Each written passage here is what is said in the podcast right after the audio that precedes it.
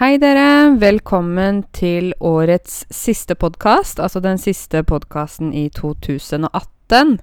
Jeg vil gjerne åpne den podkasten med et sitat av en uh, mann som vi mistet i 2018, Stephen Hawking. Dere har sikkert hørt om han.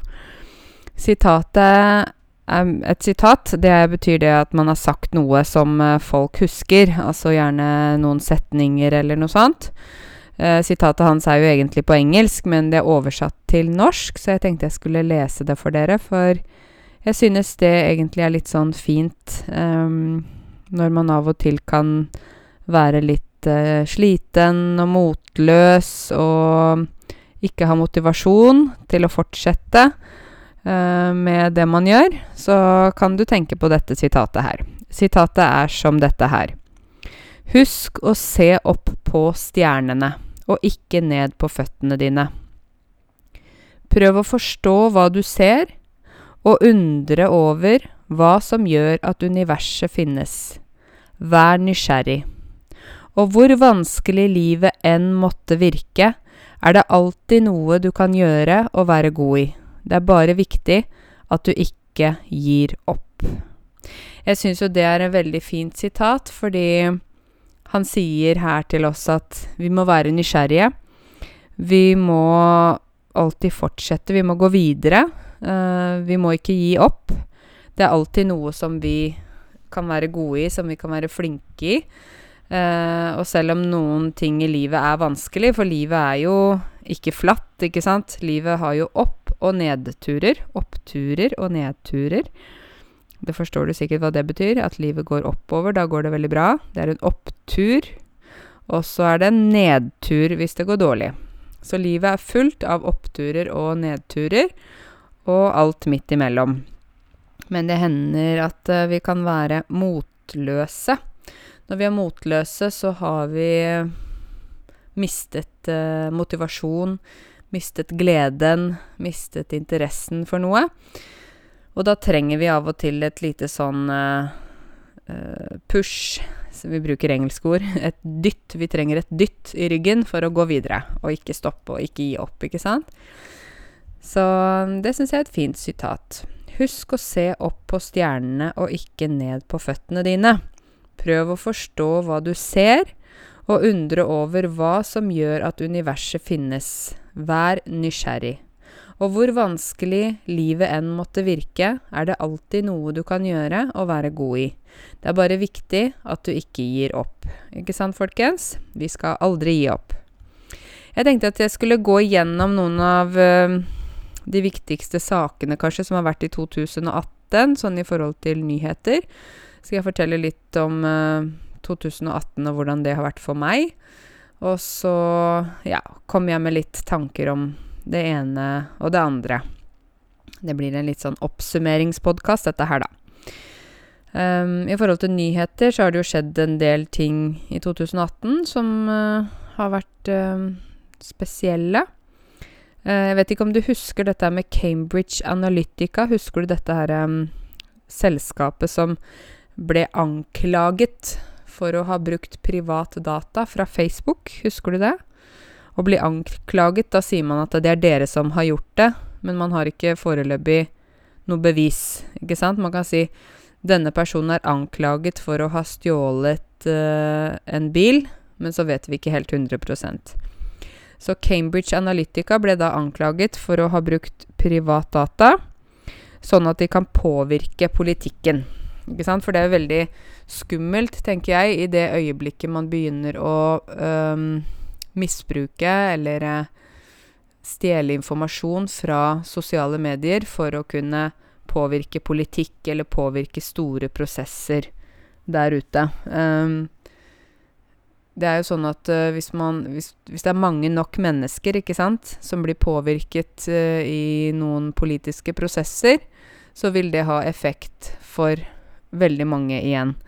Så jeg har jo sett det at en del politikere har jo brukt um, sosiale medier, og gjør jo det hele tiden, som et eh, vi kan si et virkemiddel, eller et slags våpen, i forhold til å vinne stemmer og vinne politisk makt. Um, og sånn har verden blitt.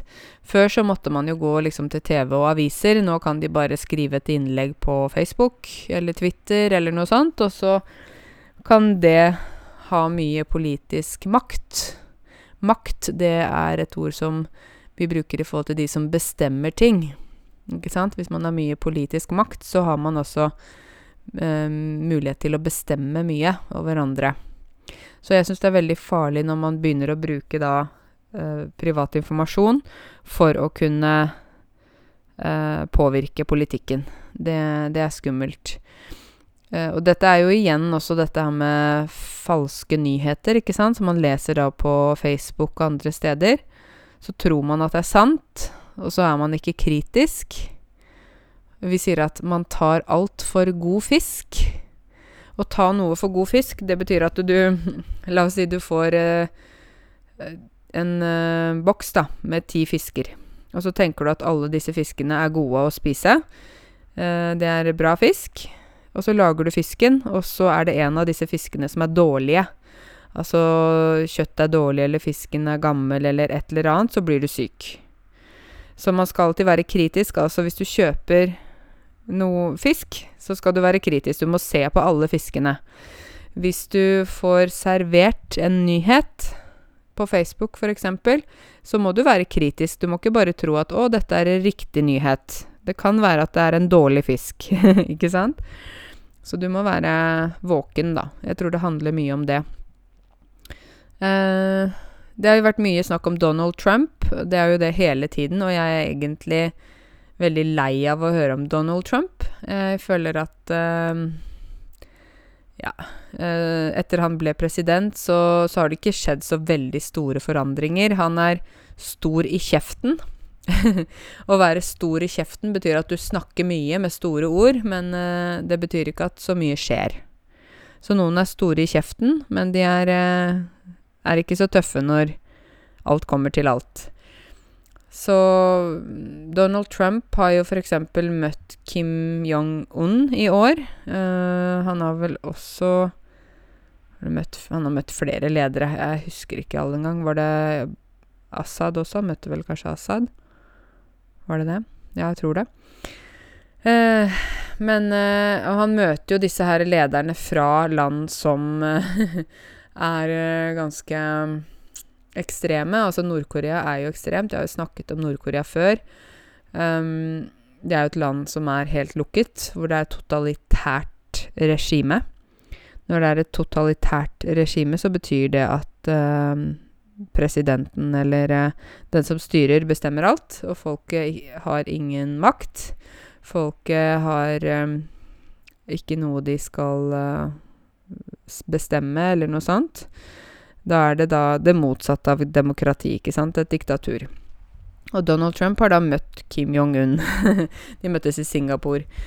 Uh, hva hensikten med det var, altså hva var grunnen til at de møttes, det er jo det er vel en sånn Jeg tror det er en sånn eh, strategi fra Donald Trump, kanskje, til å posisjonere seg i forhold til en del land som er uh,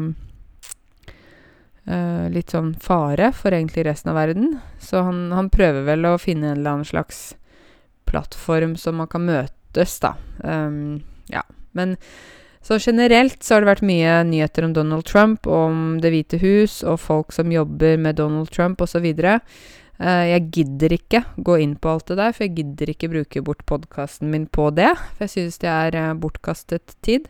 Bortkastet tid betyr at man kaster bort tiden. At det er tid som er brukt på en dårlig måte.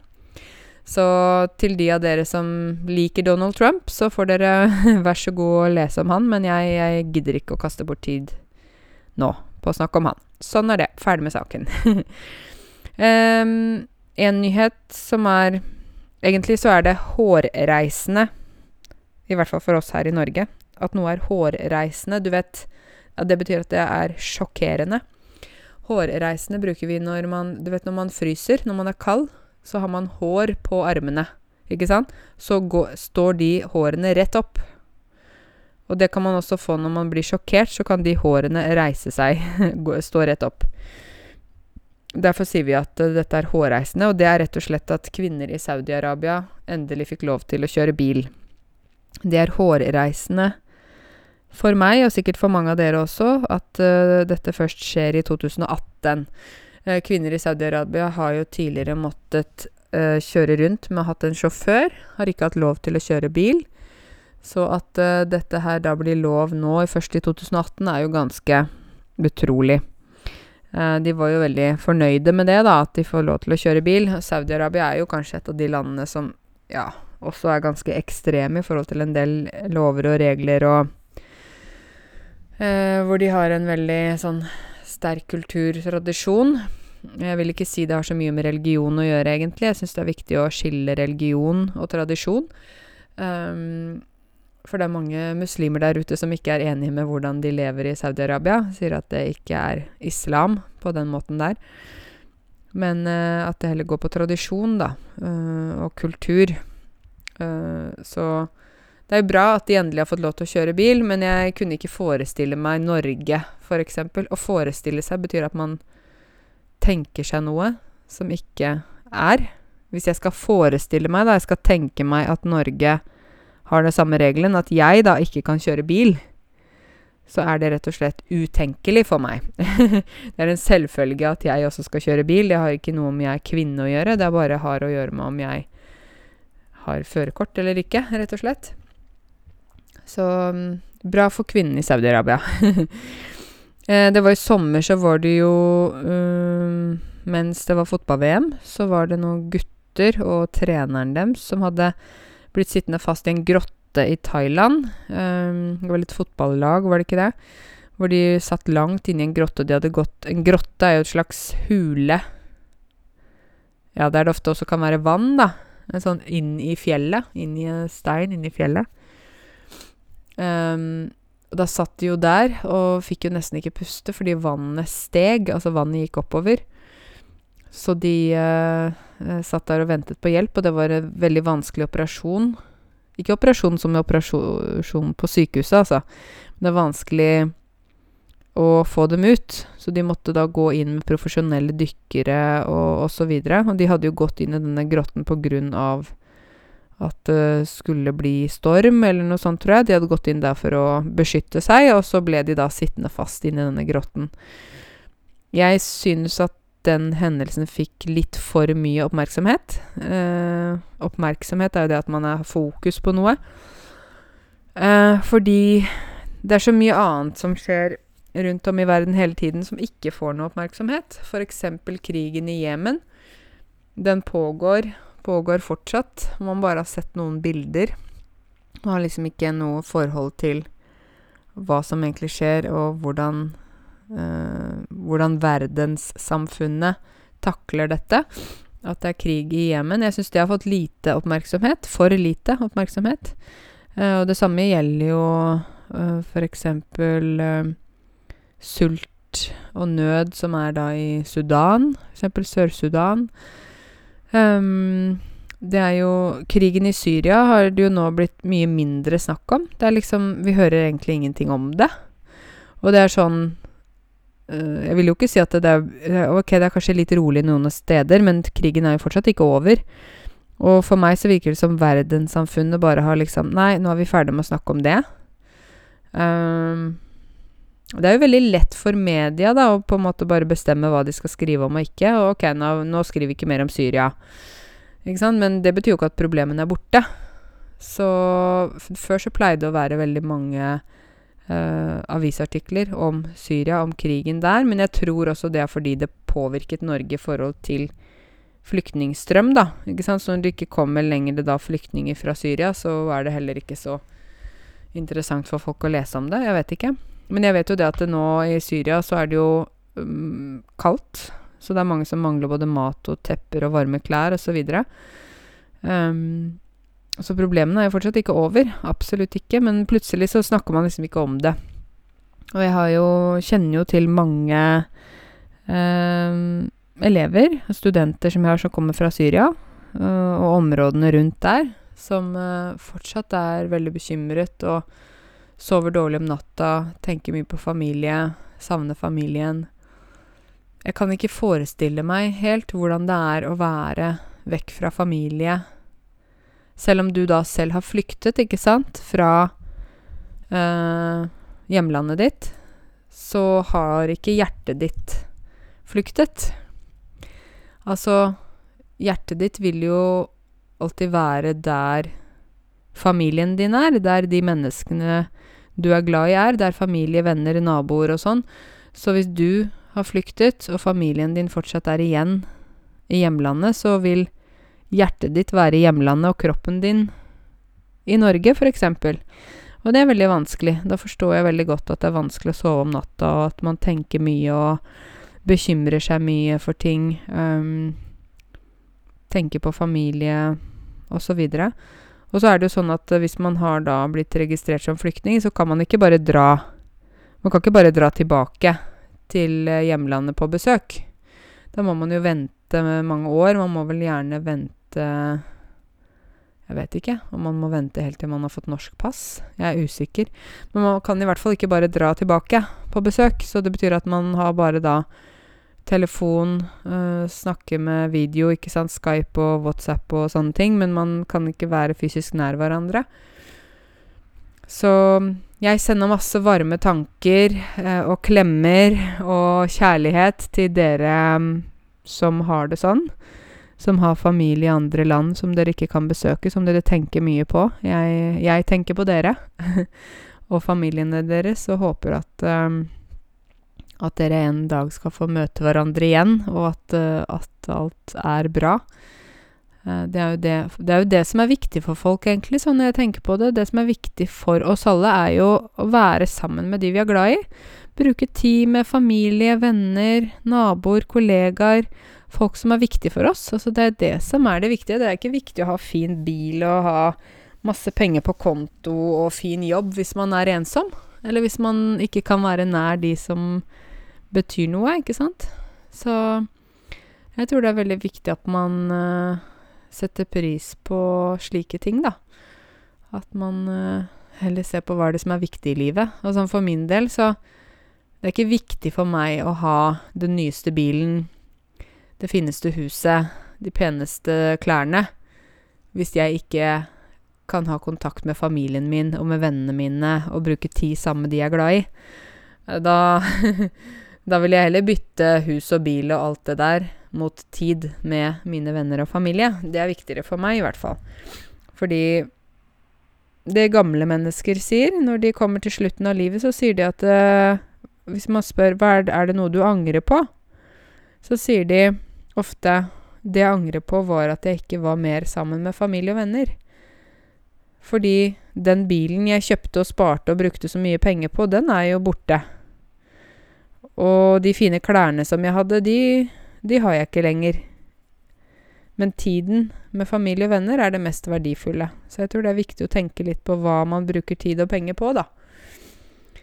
Mm. Ja, dere. Fotball-VM var stort og var uh, spennende. Var Frankrike som vant fotball-VM. Uh, her i Oslo så var det i hvert fall fullt liv. Uh, det var gøy å se på fotball. Jeg heier jo på Brasil. Det, når det gjelder VM, så heier jeg på Brasil. Brasil gjorde det ikke så veldig bra, men jeg hadde det veldig gøy når jeg var nede i byen eh, her i Oslo på sånne Brasil-sammenkomster. En sammenkomst betyr da når, når venner er eh, Nei, når man er sammen, ikke sant. Vi hadde en sosial sammenkomst. Det betyr at man var sosial sammen med andre. Så det var gøy. Da fikk jeg møtt mange fra Brasil, og det var mye musikk og trommer og dans og sånn, så jeg syns det også var veldig gøy, da. Brasilianere er jo helt gale etter fotball. Så Men det var Frankrike som vant. Eh, det som var interessant der, var jo at det, de fleste på fotballaget faktisk hadde en annen opprinnelse enn fransk. Og jeg syns det er viktig å, at man også får frem dette her med det multikulturelle aspektet. Fordi mange ble jo sinte på Frankrike og sa nei, det er jo bare, er jo bare afrikanere som er på dette laget. Uten afrikanerne hadde ikke dere vunnet, osv. Men jeg tror Frankrike som nasjon også har jo veldig mange folk fra forskjellige land, og da vil det jo være naturlig at det også er folk med forskjellige bakgrunner som spiller fotball.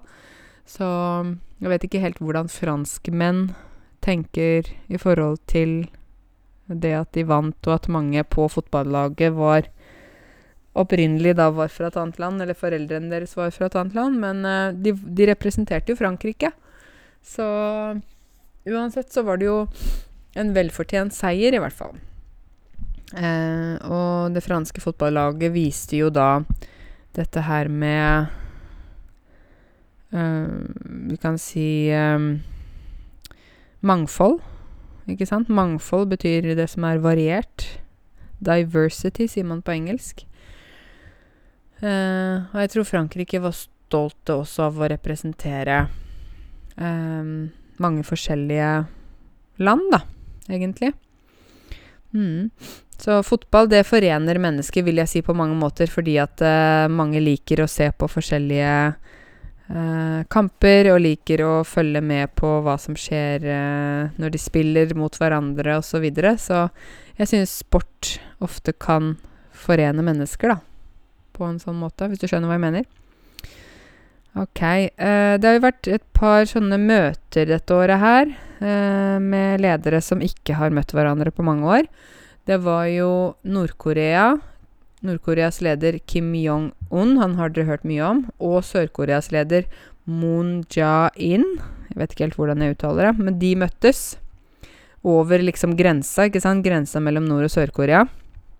Og det var jo sånn historisk møte.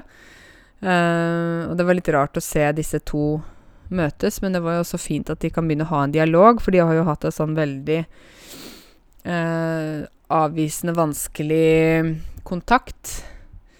Uh, og når ledere for et land endelig kan møtes, så tenker jeg at man, man er da et steg videre i forhold til et bedre samarbeid, om, om man ikke får en fredsprosess med en gang, så er man allikevel nærmere bedre kontakt med hverandre. Og det samme gjaldt jo disse lederne i Eritrea og Etiopia, presidentene der. Jeg husker ikke hva de heter, det husker sikkert noen av dere.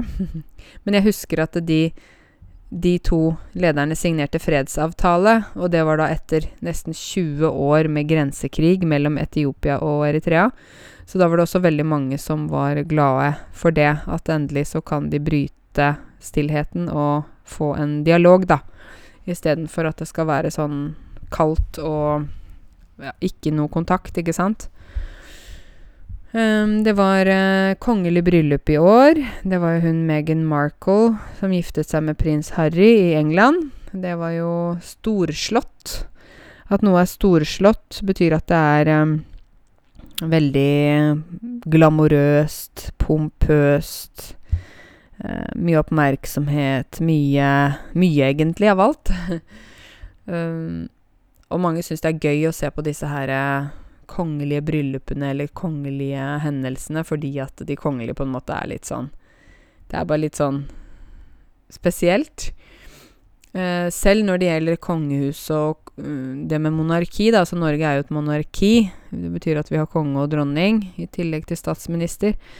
Så syns jeg det er helt greit at vi har et kongehus. Jeg har ikke noe sånn stort behov for at vi skal ha republikk, egentlig.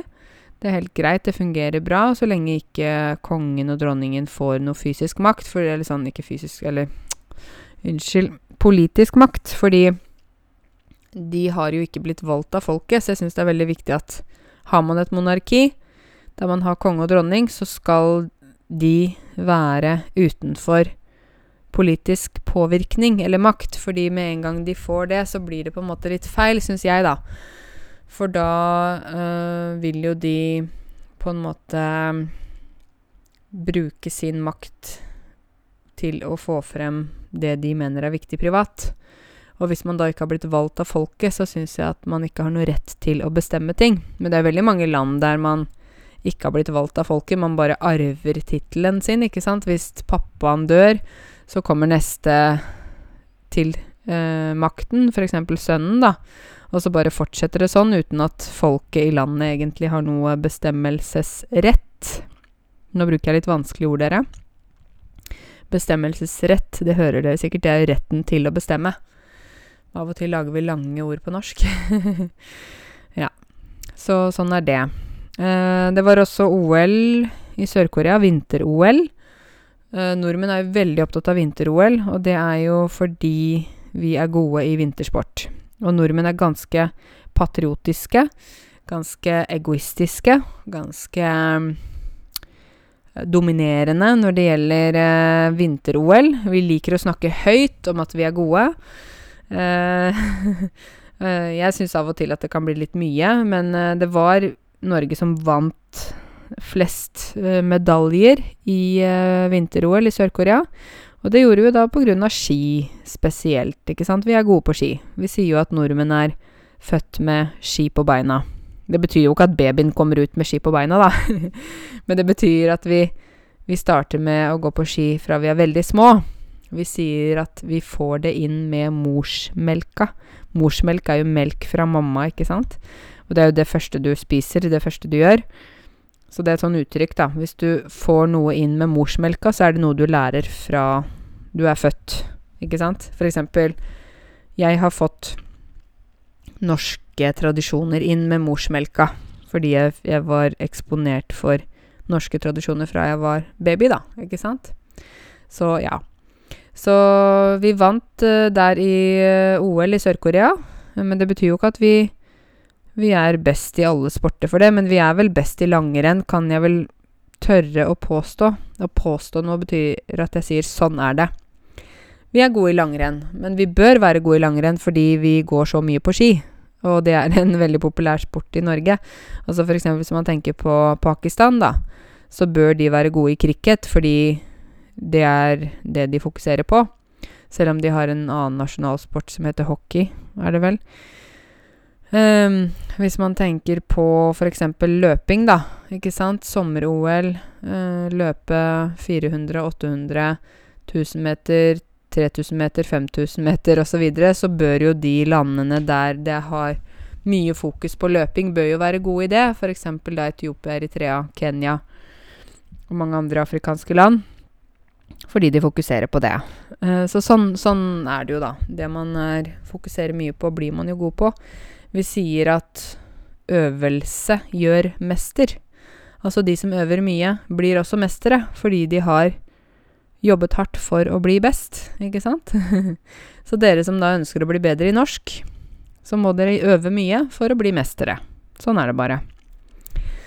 Um, det var Jeg bare ser litt Jeg har skrevet opp noen punkter, da, vet dere. Jeg husker jo ikke alle nyhetene selv i hodet, og det går jo litt sånn rundt uh, Nå har det jo vært jul, og, og da går hjernen inn i en slags feriemodus. Det betyr at uh, man kanskje hjernen ikke fungerer sånn som den pleier. uh, men uh, jeg vet ikke om noen av dere så Black Panther. Det var jo en sånn film som kom ut her i uh, i våres. Altså var vel i mars-april eller noe sånt, jeg husker ikke helt. Men det var jo en superheltfilm med Som handlet om Og som var i Afrika, da. Og egentlig så har det ikke vært noen superhelter som har mørk hudfarge alle superheltene, hvis du tenker på det. Altså uh, Batman. Han har hvit eller lys hudfarge. Spiderman. Hva heter alle disse her uh, Nå husker jeg ikke. Uh, Supermann, Spiderman, Batman Ja, du vet hva jeg mener. de er alle lyse i huden, så Black Panther var jo en sånn slags film som uh, veldig mange som har mørkere hudfarge, ble veldig glad for, fordi de sa at endelig så finnes det også nå noen uh, superhelter som da ikke bare er lyse, men som vi også kan identifisere oss med. Um, jeg syns jo det er viktig at uh, f.eks. Um, når det gjelder uh, Ja, hvis man tenker i barnehagen, da, for barn Hvis det er barn da i en barnehage med forskjellig hudfarge, forskjellig bakgrunn, så syns jeg det er viktig f.eks. at det finnes uh, dukker eller leker som de kan identifisere seg med. At det finnes dukker som har forskjellig hudfarge. Du vet en dukke? Barbie-dukke, f.eks. At det finnes dukker med forskjellige hudfarger. At det finnes forskjellige typer bøker som handler da om forskjellige barn. Forskjellige mennesker. Slik at man kan føle seg sett, eller føle at man blir satt pris på. Uh, ja. Så det syns jeg er viktig. Jeg er veldig opptatt av sånn rettferdighet. Jeg er veldig opptatt av um, at vi vi alle har like rettigheter. Da. Jeg tenker på sånn i, ikke bare i Norge, men i verdenssamfunnet. At uh, om man er mann eller kvinne, uh, man, hva slags religion man har, uh, hvor man kommer fra, hva slags hudfarge man har Jeg syns på en måte at det Det bør ikke Det bør ikke ha noe å si, da. noe av det verste jeg vet, som jeg blir veldig sint på, det er når jeg merker at folk har holdninger. Å ha en holdning betyr at du har en mening uh, om folk som er annerledes enn dem selv. Uh, uten at de egentlig har noe grunn for å si noe. F.eks. si at nei, de som, uh, de som, kommer fra Afrika, de er sånn eller sånn. Ikke sant? Eller muslimer er sånn eller sånn, eller de som kommer fra India er sånn eller sånn, eller nordmenn er sånn og sånn. Jeg syns at man må være litt forsiktig Uh, når man snakker om andre, når man ikke kjenner dem. Uh, folk er forskjellige. Folk kan overraske, ikke sant? Folk kan uh, være annerledes enn det du egentlig tror. Og jeg syns at man bør, man bør, faktisk tenke litt på det. Jeg merker jo at Jeg merker jo også at noen av mine studenter har holdninger som jeg ikke liker. Så sier at 'nei, jeg liker ikke de fra det landet', eller 'jeg liker ikke de som ser sånn ut'. Og da blir jeg sånn OK. Hvorfor ikke? Hva Nei, de, fordi de er sånn og sånn. Ok. Kjenner du noen fra det landet, da? Og så kan de bli litt sånn irriterte. Ja, hva mener du? Ja, hvorfor sier du at du ikke liker den eller den personen? Hvis du ikke kjenner dem? Hvordan kan du si det, eller hvordan kan du påstå at folk er sånn eller sånn? Det er sånn Det gjør meg faktisk Jeg er ikke en person som blir fort sint, altså. Men akkurat når det gjelder sånt, det, det tåler jeg ikke. Det orker jeg ikke høre på. Da da, jeg, da kan jeg gjerne diskutere. Da kan jeg gjerne stille de spørsmål, fordi jeg syns det er veldig farlig å ha fordommer. Å ha fordommer betyr at man har meninger om noe man egentlig ikke vet noe om. Ikke sant? Man har meninger om noe eller noen uten at man har noe egentlig erfaring eller grunn til å ha fordommer, da. Jeg syns at man må være ydmyk Altså, man må forstå at det er mye man ikke vet. Man må være åpen, og man må være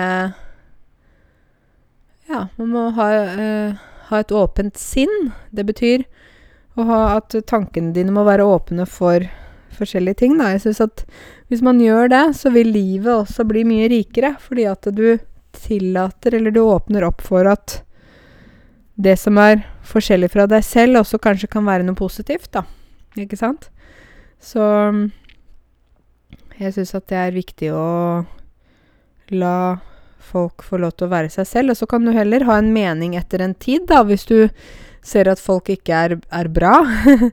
fordi du da har vært i kontakt med dem og du kjenner dem, så kan du si at ok, den mannen der, eller den dama der, han eller hun er da ikke bra fordi sånn og sånn. Men da har du jo en grunn til å si det, ikke bare å si på forhånd Nei, alle som kommer fra det landet, er sånn. Det syns jeg er veldig farlig. Det liker jeg ikke. Så vær så snill, ikke si sånn. jeg kan jo ikke bestemme over deg, da, men uh, jeg syns det er uh, fint å være åpen og, og nysgjerrig. Inter være interessert i å bli kjent med andre folk. Ok. Jeg vil gjerne snakke litt om uh, plastikk. det har jo vært veldig mye i sosiale medier og generelt i medier om uh, Plastikk, uh, plastforbruk, søppel, havplast har det vært mye snakk om. Dette med at vi mennesker uh, kaster for mye plast. Vi uh, har plastikk overalt. Vi Her i Norge er vi ganske bra på det. Men i mange land så er det enorme mengder med plast som blir kastet bare rett i havet, rett i naturen, uten at man er kritisk. Og det syns jeg er veldig, veldig farlig. Um, jeg tenker at man må tenke på naturen, tenke på miljøet. Særlig dette med havplast. Det er jo et stort problem. Det er jo masse plast i havet som gjør at uh, fisker dør. Og andre dyr dør. Fugler dør. Store hvaler, haier, uh, dør pga. at de får plast i magen. Fordi de spiser det du tror det er mat. Her i Norge så er, vi gode på dette her med søppel, resirkulering. Vi passer på naturen. Eh, det handler mye om politikk. For vår første miljøvernminister har også vært vår statsminister. Og jeg snakket om henne før. Gro Harlem Brundtland. Da hun var miljøvernminister, så var hun veldig opptatt av øh, natur. Særlig dette i forhold til plast og søppel og sånne ting. Så øh, det var en sånn nasjonal kampanje øh, for barn. på TV så så vi et program som het Blekkulf. Og blekkulf, det var da en blekksprut, for de av dere som kjenner dette dyret. Blekksprut. Blekksprut er har åtte armer, lever i vannet spruter ut blekk. Sånn blått blekk, svart blekk. Skjønner du da hva jeg mener? Vi sier octopus på engelsk. Og Blekkulf og vennene hans het denne tegneserien, eller film, eh, som handlet da om blekk, Blekkulf og, og forskjellige dyr i havet, som da ble plaget av søppel og plastikk og olje og sånne ting fra mennesker.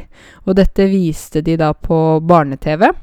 Barne-TV, det var jo da på NRK klokka seks. Dette satt jeg og så på da jeg var barn.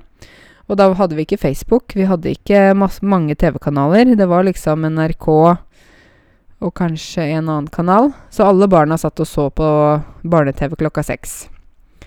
Og da så vi jo det at Blekkulf, da, og alle fiskene og alle vennene på denne her filmen, de ble sinte når det var eh, plastikk som ble kastet i havet, og når mennesker da forsøpler naturen. Og forsøple betyr at man kaster masse søppel i naturen. Og da begynte vi barna å snakke med foreldrene våre. Og foreldrene våre var ikke så opptatt av uh, dette med natur og miljø og sånn. Jeg husker godt jeg sa til mamma og pappa flere ganger når de kastet plastikk på bakken, så sa jeg til de hei, plukk det opp, dere må gå til søppelkassa. Kan ikke kaste på bakken. Og mamma og pappa sa 'hæ, hva sa du nå?' Så det er ikke bra for natur naturen. Eh, så vi barna, vi ble det vi kaller for miljødetektiver. En detektiv er en som undersøker ting. Undersøker eh, kriminelle problemer, gjerne, ikke sant? Fordi dette programmet da, som gikk på barne-TV, Blekkulf, det ble veldig populært. Og så lagde de en klubb som barna kunne melde seg inn i og være medlem. Da fikk vi tilsendt uh, brev i posten og sånne blad. Eller mange av dere sier magasin, men i Norge sier vi blad. Blekkulfklubbbladet, uh, eller jeg husker ikke, det var noe sånt. Så da sto det mange forskjellige ting om miljøet og sånn. Og dette var faktisk politisk. Det var politikere som hadde bestemt, og så hadde det blitt laget da program for barn, slik at barn skulle være mer bevisst på miljøet. Så husker jeg det var en sang på dette programmet om miljødetektiver. Det var som dette her. En miljødetektiv må passe på, for fremtiden begynner nå. Vær på plass der det skjer, med kart og kompass og forstørrelsesglass. En miljødetektiv må passe på, for fremtiden begynner nå. Dette var en sang som vi gikk rundt og sang, alle barna, i barnehagen og på skolene. Så min generasjon, jeg er født i 1985, vi ble jo veldig opptatt av miljø. Vi ble veldig opptatt av å passe på naturen, passe på dyrene, passe på å ikke kaste søppel i naturen. Og du ser jo i Norge i dag, når du ser rundt deg, når du går ut og sånn, så vil jeg si at det er veldig rent i forhold til mange andre land. Jeg har reist over hele verden, så å si mange land, og jeg ser så mye søppel i mange land. Det er ikke rent, det er ikke pent. Folk bryr seg ikke. De kaster plastikk og søppel på bakken. Og da blir det eh, forurensning, forsøpling og dårlig miljø. Så der vil jeg si Norge er veldig gode, da. Men når det gjelder havplast, så er dette et globalt problem, ikke et norsk problem. Ikke et europeisk problem, det er et problem over hele verden fordi vannet tar med seg plasten, ikke sant, fra land til land. Så um, det er mye plast, så det er et stort problem. Uh, jeg kommer ikke til å snakke så mye om Norge og politikk, jeg orker ikke. av og til så blir jeg så lei av politikk fordi det er så mye tull, det er så mye frem og tilbake, det er så mye Jeg syns jo politikere ofte ikke bruker liksom makten sin riktig. det er mye tull. Det har vært masse sånn litt sånn skandaler egentlig i år. Både i Frp og Kristelig Folkeparti og i forskjellige partier. Så jeg, jeg gidder faktisk ikke snakke noe om politikk i Norge nå. Det får være som det er. Når det ikke blir bedre, så ja. Det er bare sånn det er. Jeg gidder ikke snakke om det, rett og slett. Jeg skal snakke litt kort om mitt eget år, 2018. Hvis jeg skal oppsummere. Oppsummere, da går man gjennom ting. Man går ser tilbake, og så tenker man, reflekterer over noe. Jeg har jo vært på flere reiser i år. Og jeg liker jo å reise, så jeg er jo alltid på reise, egentlig, hvis jeg kan. Jeg har vært uh, i Qatar, i Golfen. Det var jo veldig fint å være i, i Doha. Veldig kan anbefales som reisested. Det er et veldig rolig sted, da. Et fint land å dra og slappe av i, egentlig. Så jeg har vært på Zanzibar. Det er jo mitt andre hjemland, kan du si. Eh, så det var fint. Og så har jeg vært eh, Skal vi se jeg reiste til eh, Bodø i mai. Det var jo her i Norge. Uh, da var jeg på Give a Job, som jeg snakket om tidligere, så det var jo spennende. Jo, også i april så var jeg i Roma, Italia. Det var fint. Spise god mat og god shopping og masse kultur og sånn. Um, og så i sommer så var jeg i England hos mine venner der. Og så var jeg i Tyrkia hos en venninne der. Og så var jeg i Amsterdam. Og så kom september. Da var jeg en tur i Bergen. Det var veldig fint. Da var jeg på Give a Job igjen. Og så litt lenger ut i september så var jeg i Oman. Det var også veldig spennende land. Kan anbefales. Jeg har jo snakket om det tidligere. Og det siste reisen min var i Riga, Latvia. Og så skal jeg snart reise. 1. januar reiser jeg til Tyrkia. Da skal jeg Noen av dere husker det kanskje? Jeg skal ned og fikse tennene mine. Eh, tannlegeturisme kaller, kaller, vi det. Jeg skal trekke ut to tenner, to visdomstenner, og så skal jeg rotfylle en annen tann. Så det blir jo Jeg gleder meg ikke til det, men det blir sikkert bra å få gjort det, da, Å få fikset det. Så skal jeg gå på hammam, tyrkisk hammam, som er veldig deilig og sånn type spa. Sånn hvor man får massasje og sitter i sånne forskjellige badstuer og sånn. Det gleder jeg meg til. Så skal jeg spise deilig tyrkisk mat og være sammen med to venninner, så det blir bra. Jeg For meg så er det ikke viktig å ha masse penger og ha, som jeg har sagt før, fin bil og sånn, men det er viktig for meg å ha penger til å reise. For jeg er så glad i å reise. Jeg, jeg blir litt rastløs hvis jeg bare skal være i Norge hele tiden. Jeg må liksom se noe nytt. Så jeg gleder meg til det. Um, hvis jeg tenker sånn på 2018 i forhold til firmaet mitt, da, så vil jeg jo si at uh, det har gått veldig bra. Jeg kommer nå snart til 40 000 følgere på YouTube, så det er jo helt fantastisk. Nå er det I februar 2019 så blir det to år siden jeg startet YouTube-kanalen min. Så det har jo egentlig bare gått oppover hele veien. Um, ehm, Podkasten min tror jeg ligger på rundt 10 000 lyttere, og det er jo veldig bra også. Hvis du kjenner noen som ikke vet om denne podkasten, så må du gjerne fortelle dem om det, for det er jo en gratis ressurs som bare er der. Jeg prøver i hvert fall å lære dere noe nyttig om Norge og norsk kultur og osv. Uh, eh, og så er det vel Nå skal jeg starte en blogg i 2019. Da skal jeg Jeg er glad i å skrive. Så da har jeg tenkt å skrive en del innlegg der. Skrive litt forskjellige tekster og sånn. Det kan jo bli spennende. Og så har jeg mange andre planer for 2019, så jeg tror det blir et spennende år. Jeg ser jo det at eh, jeg hele tiden får flere følgere og flere folk som kjenner til både YouTube-kanalen min, podkasten min, Facebook-siden min, og nå snart da blir det blogg også. Så jeg er veldig fornøyd med det at uh, jeg vet at uh, det arbeidet jeg gjør, påvirker mange av dere i forhold til norsk. I forhold til forståelsen av Norge, norsk kultur, uh, hvordan folk tenker osv. Jeg er veldig glad for at det har en effekt, at det ikke bare er masse videoer som ikke betyr noe, men at det faktisk har en virkning, da. Det er jeg veldig glad for. Eh, jeg prøver jo så godt jeg kan å videreformidle. Det betyr å gi, eller altså gi videre.